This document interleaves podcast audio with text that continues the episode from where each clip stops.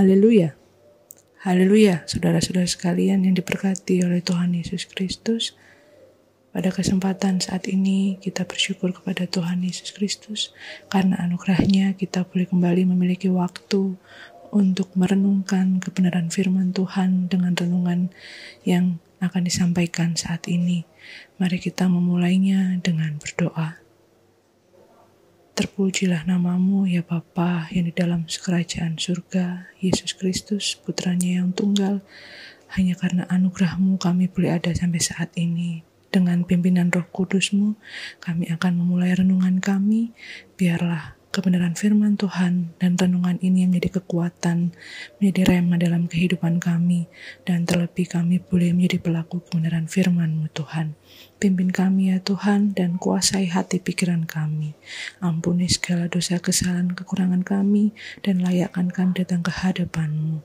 Terima kasih ya Bapa, hanya di dalam nama Tuhan Yesus Kristus kami sudah berdoa dan mengucap syukur. Haleluya. Amin. Tema renungan pada saat ini adalah meski dicemooh sesama. Kebenaran firman Tuhan terdapat di Ayub pasal 16. Ayub pasal 16 ayat yang ke-20 hingga 21.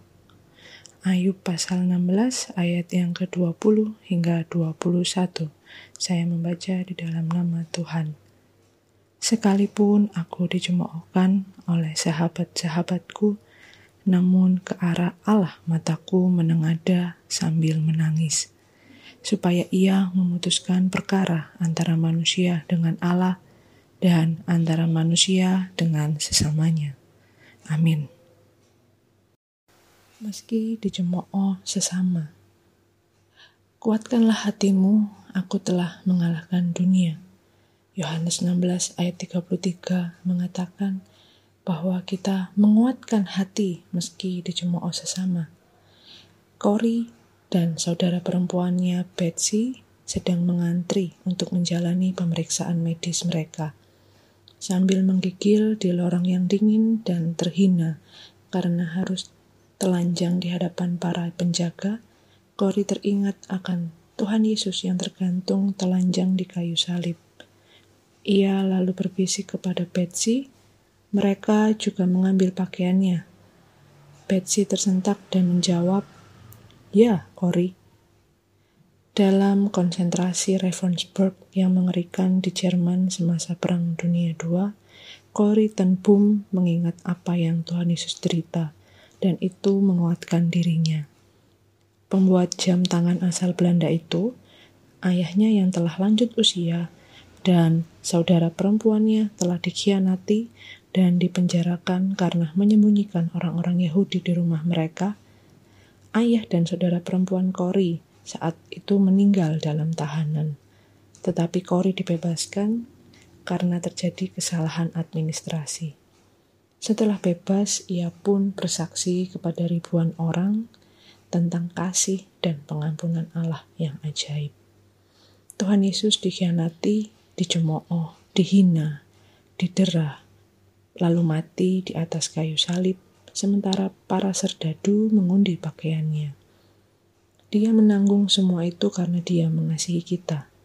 Sebagai murid-muridnya, seperti Korit, kita juga dapat menemukan penghiburan di dalam pencemoohan, penganiayaan, pencobaan, dan penderitaan kita.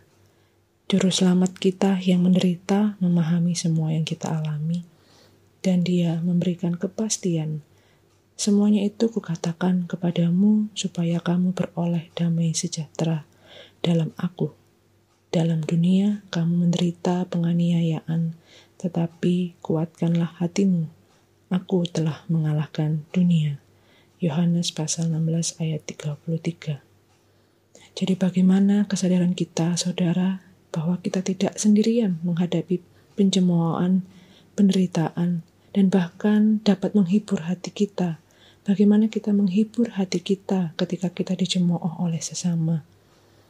Kapan kita pernah mengalami damai sejahtera di tengah pencemoohan yang menyakitkan hati kita, mengecewakan hati kita?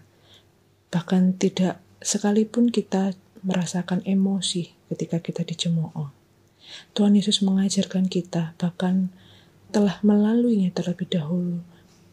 Dan biarlah kita bisa mengatakan terima kasih Tuhan, karena Engkau rela dicemooh, dihina, bahkan menderita, bahkan sampai mati bagi kita.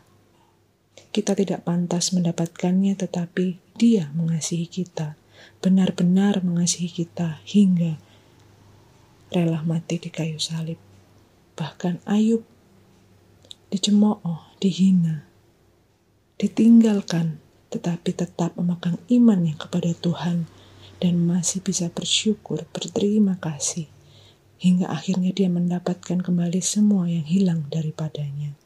Dan biarlah kita saat ini belajar bahwa sekalipun kita dicemooh, dihina oleh sesama, bahkan oleh orang terdekat kita, Jangan pernah berkecil hati, jangan pernah kecewa atau bahkan menyimpan dendam. Tetapi ampunilah mereka, kuatkanlah hati kita, hibur hati kita dengan bersyukur dan berterima kasih kepada Tuhan dan biarlah kita melepaskan pengampunan kepada mereka.